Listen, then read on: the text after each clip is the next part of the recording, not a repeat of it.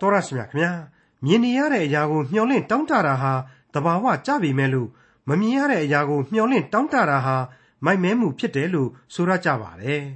ဒါပေမဲ့လို့တွေးမြင်နေရတဲ့အရာတစ်ခုကိုမျှော်လင့်တောင်းတနေစရာမလိုတော့ပါဘူး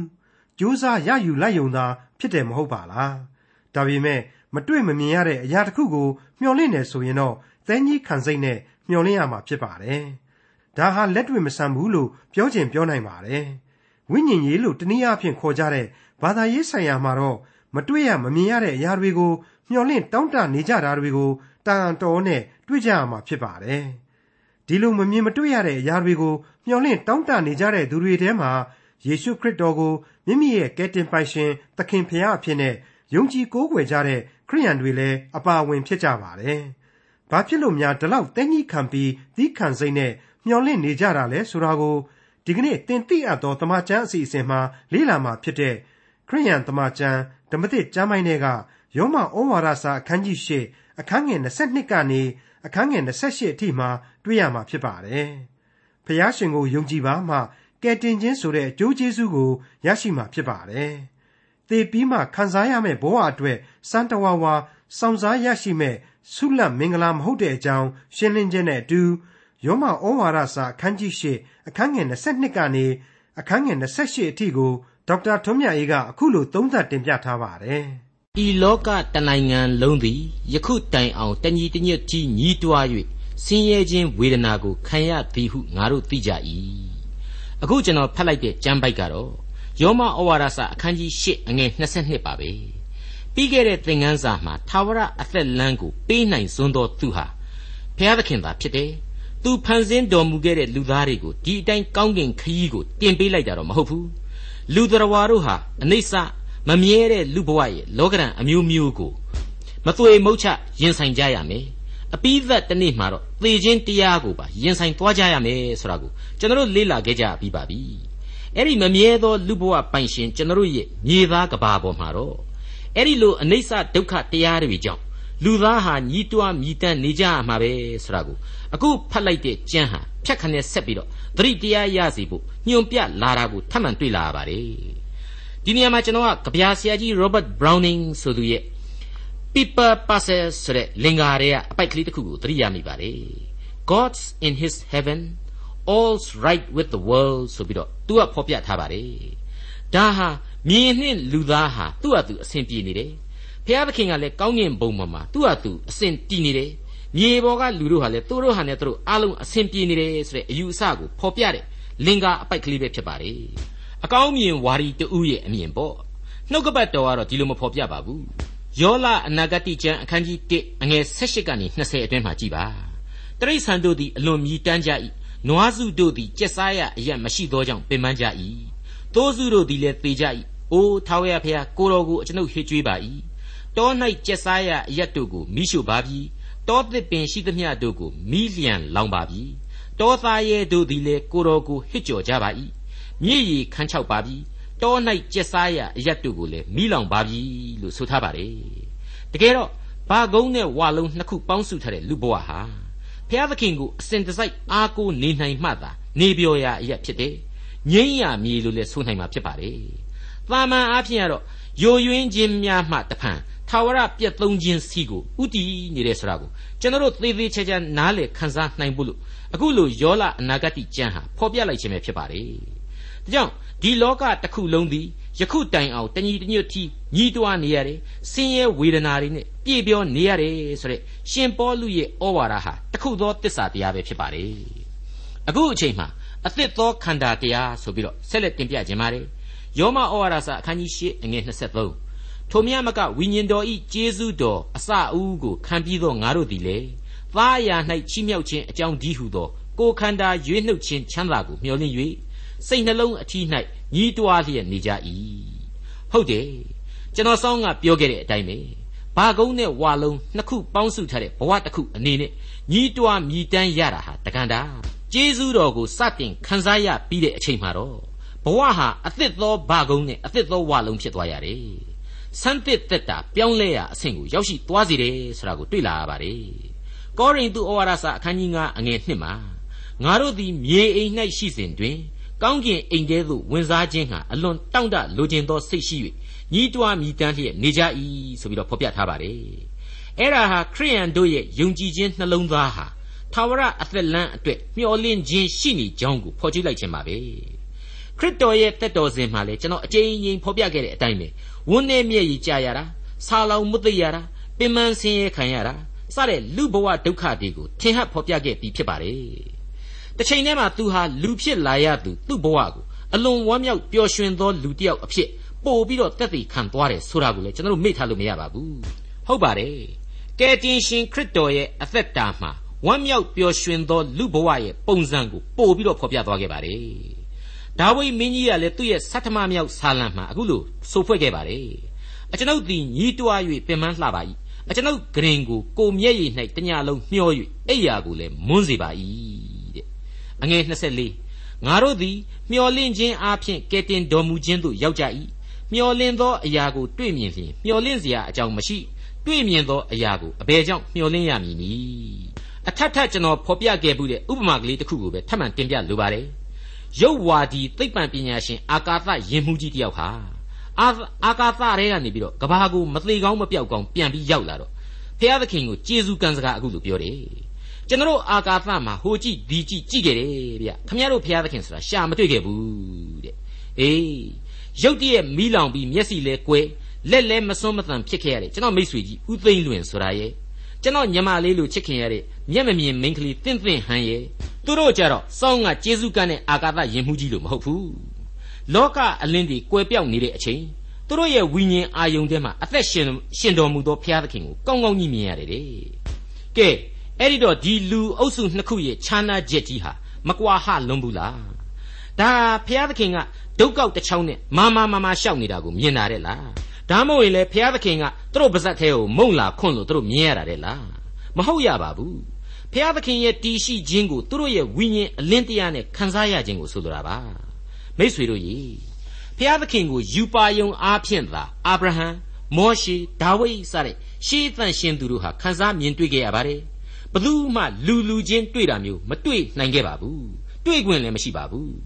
အဲ့ဒီလိုသာအကောင်အထည် drug တုနဲ့တွေ့နေရပြီဆိုရင်လေကျွန်တော်ဟာဘာမျှော်လင့်ခြင်းဘာယုံကြည်ခြင်းမှမလိုတော့ဘူးလေ ကျွန်တော်သင်သိရသောသမာကျမ်းဟာလည်းဘာမှအမောခံပြီးတော့အခုလို့နှုတ်ကပတ်တော်ကိုဟောပြောဖွင့်ဆိုနေစရာအကြောင်းရှိတော့မှာမဟုတ်ပါဘူးယောမဩဝါဒစာအခန်းကြီး၈အငယ်25မှ29ငါတို့သည်မတွေ့မမြင်ရသောအရာကိုမျှော်လင့်လျင်မူကားထိုအရာကိုတီးခံသောစိတ်နှင့်ငန့်လင့်၍နေကြ၏ထိုမှတပါငါတို့မတတ်နိုင်သောအရာမှာဝိညာဉ်တော်သည်မဆတော်မူ၏ငါတို့သည်ဆုတောင်းသင့်သည့်အတိုင်းအဘယ်ဆုကိုတောင်းရမည်ဟုမသိကြ တို့ရာတွင်ငါတို့ဆုတောင်းခြင်းအမှုကိုနှုတ်မမွဲ့နိုင်သောညီးတွားခြင်းအပြင်ဝိညာဉ်တော်သည်စောင့်မတော်မူ၏စိတ်နှလုံးကိုစစ်တော်မူသောသူသည်လည်းဝိညာဉ်တော်၏စိတ်သဘောကိုသိတော်မူ၏အကြောင်းမူကားဝိညာဉ်တော်သည်တန်ရှင်းသူတို့၏ဆုတောင်းခြင်းအမှုကိုဖျားသခင်၏အလိုတော်နှင့်အညီစောင့်မတော်မူ၏ကြည်စမ်းယုံကြည်ခြင်းတရားမှာဘာတွေအခြေခံကြကြလို့တလဲဆိုတာပေါ်လာပြီနောင်တနှလုံးသားပြီးတော့ကြိုးပဲ့ကြေမွသောစိတ်ဓာတ်တဲ့ ကျွန်တော်အထက်ထပ်ပြောခဲ့တဲ့အတွက်ဒါကိုထပ်ပြီးပြောဖို့လိုတော့မှမထင်ပါဘူးခန္ဓာတကိုးလောက်နဲ့မမြင်မတွေ့ရတဲ့အရာဝိညာဉ်အလင်းနဲ့သာလျှင်နားလေခံစားရတဲ့အရာဒီအရာကိုသီးခံတဲ့စိတ်မျော်လင့်တဲ့စိတ်နဲ့စောင့်ဆိုင်းရတဲ့သဘောရှိတယ်တဲ့ဒါကရောဘာများဆန်းလို့တော့လူလောကမှာတောင်မှအလုတ်တစ်ခုရဲ့အကျိုးကိုတစ်ခါတလေအချိန်ပေးပြီးတော့စောင့်ဆိုင်းရသေးတယ်မဟုတ်ဘူးလားဘာပဲဖြစ်ဖြစ်အခုဟာကအနန္တကာလအတွက်ကျေးဇူးတော်ကြီးသာဝရအသက်ရဲ့လမ်းခရီး သီးခံကိုသီးခံကြရလိမ့်မယ်စောင့်ကိုစောင့်စားကြရလိမ့်မယ်အကျိုးကျေးဇူးကမတန်တဆကြီးမားနေတယ်မဟုတ်ဘူးလားအဲ့ဒီလိုသီးခံစောင့်စားတဲ့ဆိုကြတဲ့ကနူးညံ့သိမ်မွေးတဲ့မေတ္တာစိတ်ဆရာဟာလေအလိုလိုဒွန်တွဲပါဝင်လာပါပြီဒါပေမဲ့အဲ့ဒီလိုမဟာကျေးဇူးဂရုနာတော်ဟာသိပ္ပံတက်ခွဲကမ်းမှာကွန်ပျူတာကြီးတွေနဲ့စစ်ဆေးပြီးတော့အဖြေထုတ်ယူလို့မရနိုင်ပါဘူးထုတ်မနေကြပါနဲ့ဘယ်နည်းနဲ့မှမအောင်မြင်နိုင်ပါဘူး အခုစောစောတုန်းကအာကာသယင်မှုကြီးလို့လေမိုးပေါ်ကိုဒုံးမြန်ကြီးနဲ့တဲပြီးတော့အာကာသတွေကိုခေါင်းလေးပြူပြီးတော့ရှာဖွေမနေကြပါနဲ့မရနိုင်ပါဘူးငါတို့မတတ်နိုင်သောအရာလို့ဆိုထားပြီးပြီလေကျွန်တော်မတတ်နိုင်ဘူးဒါမဲ့ကျွန်တော်ကိုတန်ရှင်းသောဝိညာဉ်တော်မဆလမ်းပြတဲ့အခါကျတော့အားလုံးဟာမြင်ကွင်းရှင်းသွားတယ်ချောမွေ့လွယ်ကူခြင်းဖြစ်သွားရတယ်ငါတို့သည်ဆုတောင်းသင့်သည့်အတိုင်းအဘယ်ဆုကိုတောင်းရမည်ဟုမသိကြတဲ့ဒီအချက်လေးဟာကြည့်လိုက်တော့ဘာမှမဟုတ်တယ်လို့ပဲ ဒါပေမဲ့ကြော်သွားလို့မရနိုင်ပါဘူးအနုလုံပရိလုံစဉ်းစားရမယ့်အချက်အရေးကြီးလာပါတယ်ဘုရားသခင်ကိုဆုတောင်းခြင်းအပြင်လူတွေရဲ့သမိုင်းလောကကြီးရဲ့သမိုင်းဟာဂျွန်းထိုးမှောက်ခုံပြောင်းလဲခဲ့ပါတယ်သမိုင်းဂန္ဓာတို့အလီလီဆန်းသစ်ပေါ်ထွန်းခဲ့ပါတယ်အဟောင်းအဟောင်းတို့ချုပ်ငင်း၍အသစ်အသစ်တို့ပေါ်ထွန်းခဲ့ပါတယ်ယုံကြည်သူခရိယန်ခေါင်းဆောင်တိုင်းတို့ရဲ့အသက်တာများကိုပြန်ကြည့်လိုက်ရင်ဆုတောင်းခြင်းမပါတဲ့အသက်တာရဲ့လို့တခုမှမရှိပါဘူး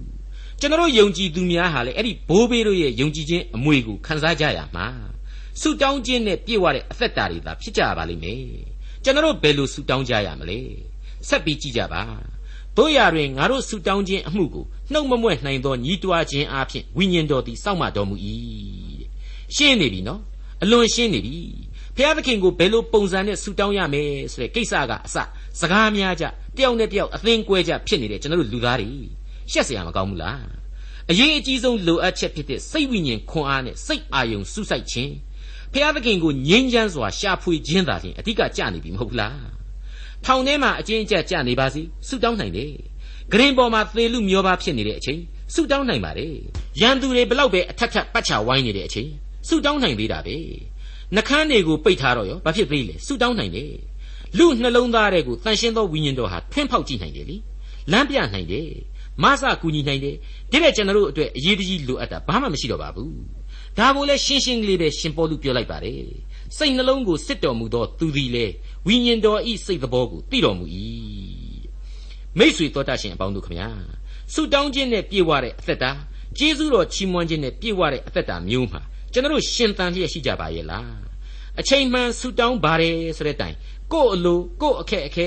ကိုဖြစ်စေခြင်းနဲ့ကိုခံစားချက်ကလေးလောင်းနေတာစုတွေတောင်းနေမယ်ဆိုရင်လေတန်ရှင်းသောဝိညာဉ်တော်နဲ့ဆန္ဒချင်းတူပြိုင်ဖြစ်လိမ့်မယ်အလိုတော်နဲ့ညီညွတ်လိမ့်မယ်လို့ကျွန်တော်မဆိုနိုင်ပြန်ဘူးကျွန်တော်တို့မဆိုနိုင်ပြန်ဘူးကိုဖြစ်ချင်တာအဓိကဝါဒဆိုရင်တော့ဒါဟာအတင်းအကျပ်တောင်းဆိုမှုဒါမှမဟုတ်ရင်လေဆန္ဒပြမှုတစ်ခုနဲ့သာတူနေပါလိမ့်မယ်ဒီနေရာမှာကယ်တင်ရှင်သခင်ခရစ်တော်ကိုယ်တိုင်တပည့်တော်တွေကိုသင်ပေးခဲ့တဲ့ပထနာတော်ကိုသာပြန်ပြီးတော့စဉ်းစားအောင်မေ့ကြည့်ကြပါအလဲကောင်တဲ့တဲ့ကြီးမှာနော် ကို၌သူတစ်ပါးပြုသောအပြစ်များကိုလွှတ်တဲ့ကဲ့သို့ကျွန်ုပ်တို့၏အပြစ်များကိုလွှတ်ပါတဲ့ပြီးတော့အဆုံးသတ်မှာဖော်ပြထားတာရှိတယ်အလိုတော်သည်ကောင်းကင်ဘုံမှာပြည့်စုံတဲ့ကဲ့သို့မြေကြီးပေါ်မှာပြည့်စုံပါစေတဲ့ဘလောက်ကောင်းလဲကျွန်တော်ဆုတောင်းခြင်းဟာမေတ္တာတော်အနန္တကျယ်ပြန့်ခြင်းနဲ့ထိုက်တန်အောင်ကျယ်ပြန့်တဲ့စိတ်ဆန္ဒကနေလာပါလိမ့်မယ်ကျေးဇူးတော်အနန္တရဲ့နှက်ဆိုင်ခြင်းနဲ့ထိုက်တန်အောင်နှက်ဆိုင်တဲ့တောင်းစုလည်းဖြစ်ကိုဖြစ်ရပါလိမ့်မယ် ဒီနေရာမှာလည်းအတိတ်ကသင်သိရသောတမန်ကျန်သင်ခန်းစာတွေကိုပဲပြန်ပြောင်းသတိရမိဖို့လိုလာပါတယ်ဖျားသခင်ကိုချစ်တဲ့အာဗြဟံမောရှေအာယုန်ဒါဝိဒ်စတဲ့သမိုင်းဝင်ပုဂ္ဂိုလ်ကြီးတွေအေလိအေလိယာရှမွေလဒံယေလစတဲ့ပရောဖက်ကြီးတွေအကုန်လုံးဟာကိုယ့်ဘဝလိုအပ်ချက်တွေကိုလည်းတောင်းစုတော့ပန်ရတယ်တပြိုင်နက်တည်းမှာဘုရားသခင်အတွက်ပေးဆပ်မယ်ဆိုတဲ့စိတ်ပြထမ်းချက်နဲ့အတူ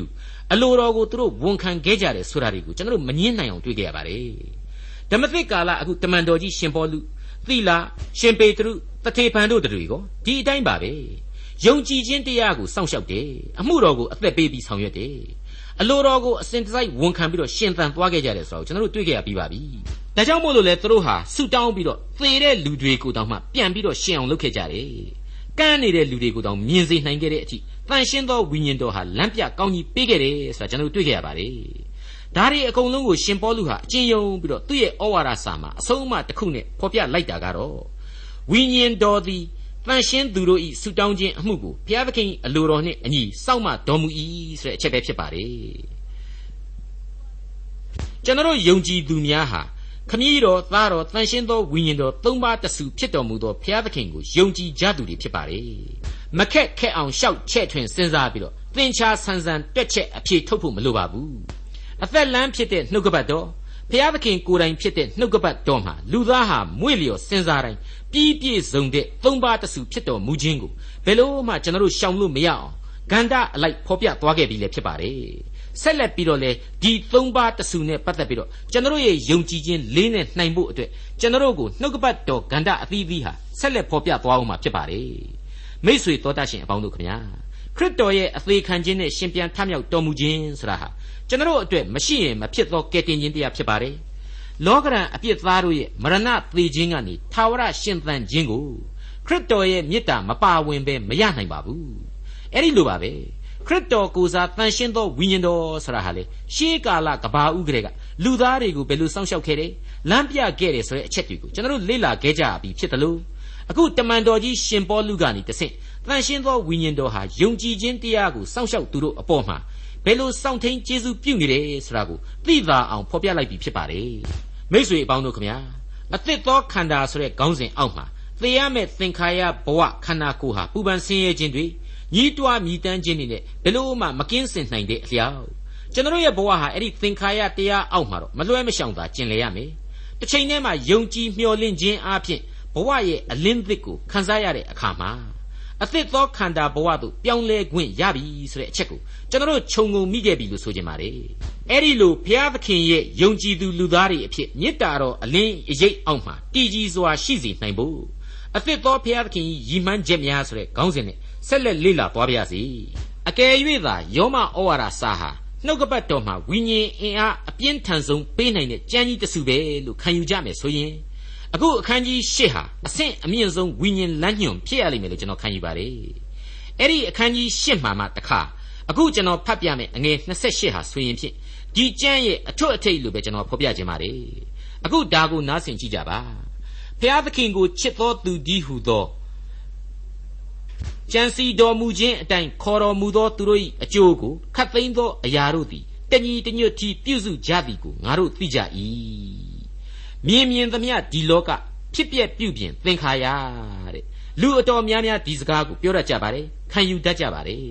အလွယ်ကလေးပြောတော့လေပြောလို့ကောင်းသားပဲလို့ကျွန်တော်တွေးပါတယ်ပြီးတော့သေတာပဲကောင်းပါတယ်တို့သေရင်အေးတာပဲလို့ဆိုပြီးတော့လေကြားဘူးပြန်ပါတယ်အငိုလွယ်တဲ့လောက်အရှိုက်ခက်တတ်တဲ့စကားတွေပဲလို့ကျွန်တော်တို့ယူဆမိပါတယ်တကယ်တမ်းကိုရင်ဆိုင်ရပြီဆိုရင်တော့အတော်ကြီးကိုသွေးပြက်ခြောက်ချားပွဲကောင်းလိမ့်မယ်လို့လေကျွန်တော်ယင်ထဲမှာခံစားရပါတယ်အခုကြမ်းမှာကတော့ အဲ့ဒီကြောက်เสียကောင်းတဲ့ခံစားချက်ကိုစမ်းရည်နဲ့လောင်းချလိုက်ပါပြီ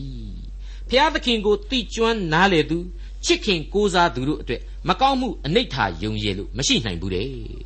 ဟုတ်နိုင်ပါမလားဟုတ်နိုင်တယ်ဖျားသခင်ကိုအမှန်တကယ်ယုံကြည်ရမယ်ခိုင်ခိုင်မြဲမြဲလက်တွဲရမယ်အလိုတော်နဲ့ညီလျော်အောင်အသက်ရှင်နေထိုင်ရမယ်အဲ့ဒါဆိုရင်ဒီအတိုင်းပဲကျေးဇူးတော်အပေါင်းခညောင်းတဲ့အသက်တာဖြစ်ကိုဖြစ်ရပါလိမ့်မယ် ဒါဟာဘုရားသခင်ရဲ့လူသားတို့အတွက်အသစ်သောရည်မှန်းချက်များပဲဖြစ်တယ်လို့လည်းကျွန်တော်ဖွင့်ဆိုလိုက်ပါရစေဓမ္မပညာရှင်ဆရာကြီးဒေါက်တာရူဘန်အေတိုရီဆိုတဲ့ပုဂ္ဂိုလ်ကြီးဟာဒီယောမဩဝါဒစာအခန်းကြီး၈အငယ်28ကိုမောပန်းသူတို့ခိုနာရကြံဆိုပြီးတော့ဖော်ပြခဲ့ပါတယ်ဟုတ်ပါတယ်ဘုရားသခင်ကိုအမှန်တကယ်ချစ်တော်သူတို့ဟာဘုရားသခင်ဤကြံစီတော်မူခြင်းအတိုင်းခေါ်ယူခြင်းကိုခံရတယ်ဘုရားသခင်ရဲ့အရေးအောက်မှာသူတို့အဖို့အရာရာဟာ အစဉ်သာဝရကောင်းကြီးမင်္ဂလာများသာဖြစ်တယ်။ညီးတွားမြည်တမ်းခြင်းနဲ့သင်္ခါရတရားလောကရန်ဆင်းရဲခြင်းအပေါင်းတို့ကြောင့်မရှောင်သာအောင်ကြေကွဲဝမ်းနည်းရခြင်းတွေပင်ဖြင့်အကျိုးတရားများအဖြစ်ပြန်လဲပြောင်းလဲကုန်ကြရတယ်လို့ဆိုလိုက်ပြီ။ဒီတော့အခုကျမ်းပိုက်ဟာမိษွေတို့ကျွန်တော်တို့အတွက်အလင်းတန်းကြီးတစ်ခုဖြစ်ပါတယ်။စောစောတုန်းကဒေါက်တာရူဘင်ပြောတယ်လို့ပဲပေါ့။မောပန်းသူတို့ခိုနာရကြံလို့ဆိုရတော့မှာပါ။သိကြ၏နားလေကြ၏ဆိုတဲ့ဝေါ်ဟာရကို ယောမဩဝါဒစာမှာ73ကြိမ်သုံးဆွဲထားပါတယ်ငါတို့သိကြ၏ဆိုတာကတော့ငါးကတိတိပါဝင်တာတွေ့ရပါတယ်အဲ့ဒီလိုကျွန်တော်တို့သိအောင်ရေသိုံမကအမှန်တကယ်အသက်ဝင်အောင်ရေလှုပ်ဆောင်ဖေးမပေးတာကတော့တန်ရှင်းသောဝိညာဉ်တော်ပဲဖြစ်ပါတယ်ကောရိန္သုဩဝါဒစာပထမစာဆောင်အခန်းကြီး၈အငယ်1မှာအခုလိုဆိုထားတာရှိပါတယ်ဉာဏ်သည်ထောင်လွှားစေတတ်၏မေတ္တာမူကားတိဆောက်တတ်၏ဆိုတဲ့အချက်ပါကျွန်တော်လူသားရဲ့အသိတရားကိုတန်ရှင်းသောဝိညာဉ်တော်ဟာ မေတ္တာတော်နဲ့တိဆောက်ပေးနေပါတယ်ကျွန်တော်အဖို့လူအုံနှောက်နဲ့ရယူနိုင်တဲ့အသစ်အသိတရားတွေအတတ်ပညာတွေဟာအလွန်များပြားလှပါတယ်စမ်းကြယ်လှပါတယ်ဒါကိုကျွန်တော်မငင်းနိုင်ပါဘူးဒါပေမဲ့ကျွန်တော်အပေါ်မှာဘုရားသခင်ရဲ့ချစ်ချင်းမေတ္တာတော်ခရစ်တော်ရဲ့ကျေးဇူးတော်တန်ရှင်းသောဝိညာဉ်တော်ရဲ့လမ်းပြခြင်းကျေးဇူးဆိုတာတွေဟာကျွန်တော်အပေါ်မှာတည်တည်ငြိမ်ငြိမ်ရှိနေရဲ့လားကျွန်တော်ခံယူနိုင်ကြရဲ့လားဒါကိုကျွန်တော်ဂဂနနနားလည်ဖို့အထူးပဲလိုအပ်တယ်လို့ကျွန်တော်နှလုံးသွင်းမိပါတယ် မိษွေတို့ကိုလည်းကိုယ့်ကိုယ်ကိုပြန်လဲဆန်းစစ်ကြည့်နိုင်ဖို့အတွက်တွန်းအားပေးလိုပါတယ်ဖျားသခင်ကိုချစ်ခြင်းဆိုတဲ့ဝေါ်ဟာရဟာအမှန်တကယ်တော့ယုံကြည်သူအလုံးတို့အတွက်ဖျားသခင်ထံမှသာအစွဲကပ်စေတဲ့တန်မှုတစ်ချက်ပဲလို့ကျွန်တော်ဆိုချင်ပါတယ်ဂလာတိဩဝါဒစာအခန်းကြီး9အငယ်6မှာကြည့်ရင်ယေရှုခရစ်ထံ၌အယေပြားလှီးခြင်းအကျိုးမရှိမခံဘဲနေခြင်းလည်းအကျိုးမရှိမေတ္တာအားဖြင့်ပြုပြင်တတ်သောယုံကြည်ခြင်းသာအကျိုးရှိ၏ဆိုပြီးတော့တွေ့ရပါတယ်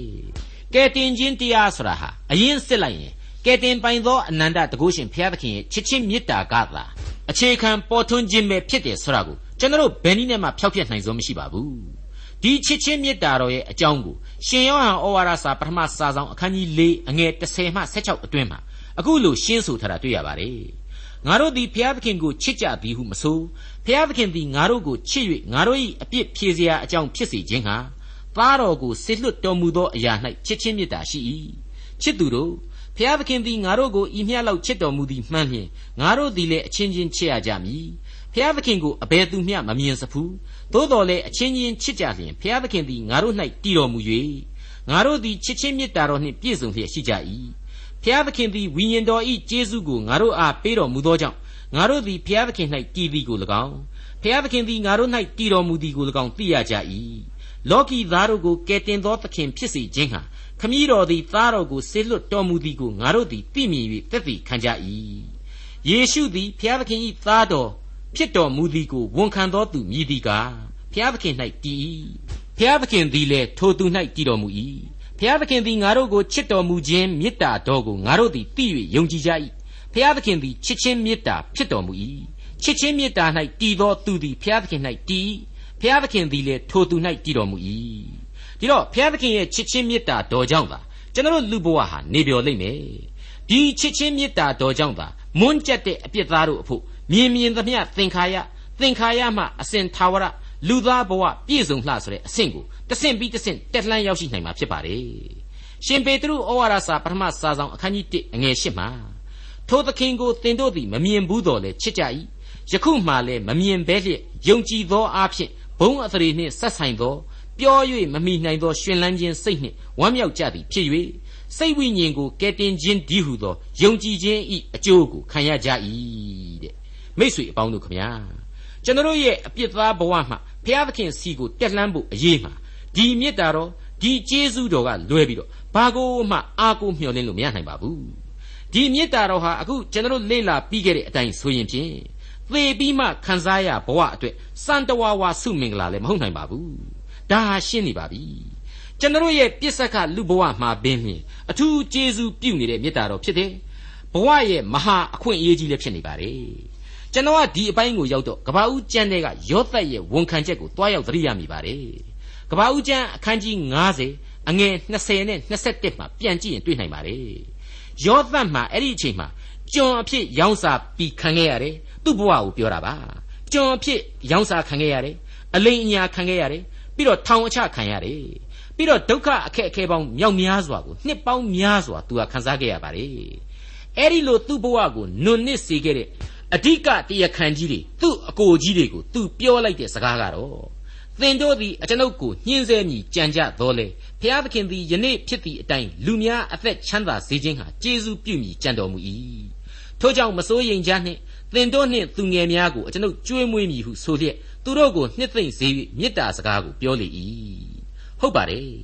ဖျားသခင်ရဲ့မေတ္တာတော်အရေးမှအမှန်ခိုလှုံသူတို့အဖို့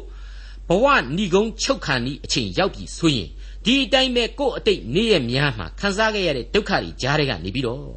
ဖျားသခင်ပြုတော်မူခဲ့တဲ့ကျေးဇူးတရားတွေအကြောင်းကိုပြန်လဲပြီးတော့မြင်အောင်နှိမ်ကြရမှာကြီးပဲဖြစ်ပါတယ် ယောဘဆိုရင်လေသူခံစားခဲ့ရတဲ့မျိုးပြုတ်ခဲ့ရတဲ့ဘဝဥစ္စာပြုတ်ခဲ့ရတဲ့ဘဝကိုယ်တိုင်မသေးယုံတမဲဒုက္ခတွေခံခဲ့ရတဲ့ဘဝအဲ့ဒီလောက်အထိစာတင်မှတ်သားလောက်အောင်ခံခဲ့ရတဲ့ဘဝအသက်တာမှာကျေးဇူးစကားကိုပြောနိုင်အားရှိခဲ့သေးတယ်ဆိုတာကိုကျွန်တော်တို့တွေ့နိုင်ပါတယ်ယောဘဝတ္ထုအခန်းကြီး73အငယ်15မှာပြန်ကြည့်ကြပါငါကိုတတ်တော်မူ၍ငါမျှော်လင့်เสียမရှိတော်လေရှေ့တော်၌ကိုအပြစ်ဖြေရာစကားကိုငါလျှောက်ထားမည်ကဲဒီတော့ ယောဘဟာဘလောက်အထိဘုရားသခင်ရဲ့ကျေးဇူးတော်ကိုချီးမွမ်းနိုင်တယ်လဲဆိုတာအဲ့ဒါသာကြည့်ကြပြီတော့အဲ့ဒီလိုပါပဲယောဘဝတ္ထုအခန်းကြီး1အငယ်27မှာကြတော့ထာဝရဘုရားပေးတော်မူ၏ထာဝရဘုရားရုပ်သိမ်းတော်မူ၏ထာဝရဘုရား၏နာမတော်သည်မင်္ဂလာရှိပါစေတည်းဆိုပြီးတော့အလိုတော်ကိုအကျွင့်မဲ့ဝန်ခံသွားခဲ့ပါတယ်အဲ့ဒါဟာဘုရားသခင်ကနေပြုပြင်ပေးခြင်းခံရတဲ့လူသားတို့ရဲ့အသစ်သောဘဝသစ္စာအမြင်တွေပဲဖြစ်တဲ့အကြောင်းဒီကနေ့မှတ်သားကြပါစို့ ဒေါက်တာထွန်းမြတ်ရေးစီစဉ်တင်ဆက်တဲ့တင်ပြတော်တမချန်းအစီအစဉ်ဖြစ်ပါတယ်နောက်တစ်ချိန်အစီအစဉ်မှာခရိယန်တမန်ကျမ်းဓမ္မသစ်ကျမ်းပိုင်းမှာပါရှိတဲ့ယောမဩဝါဒစာအခန်းကြီး၈အခန်းငယ်29ကနေ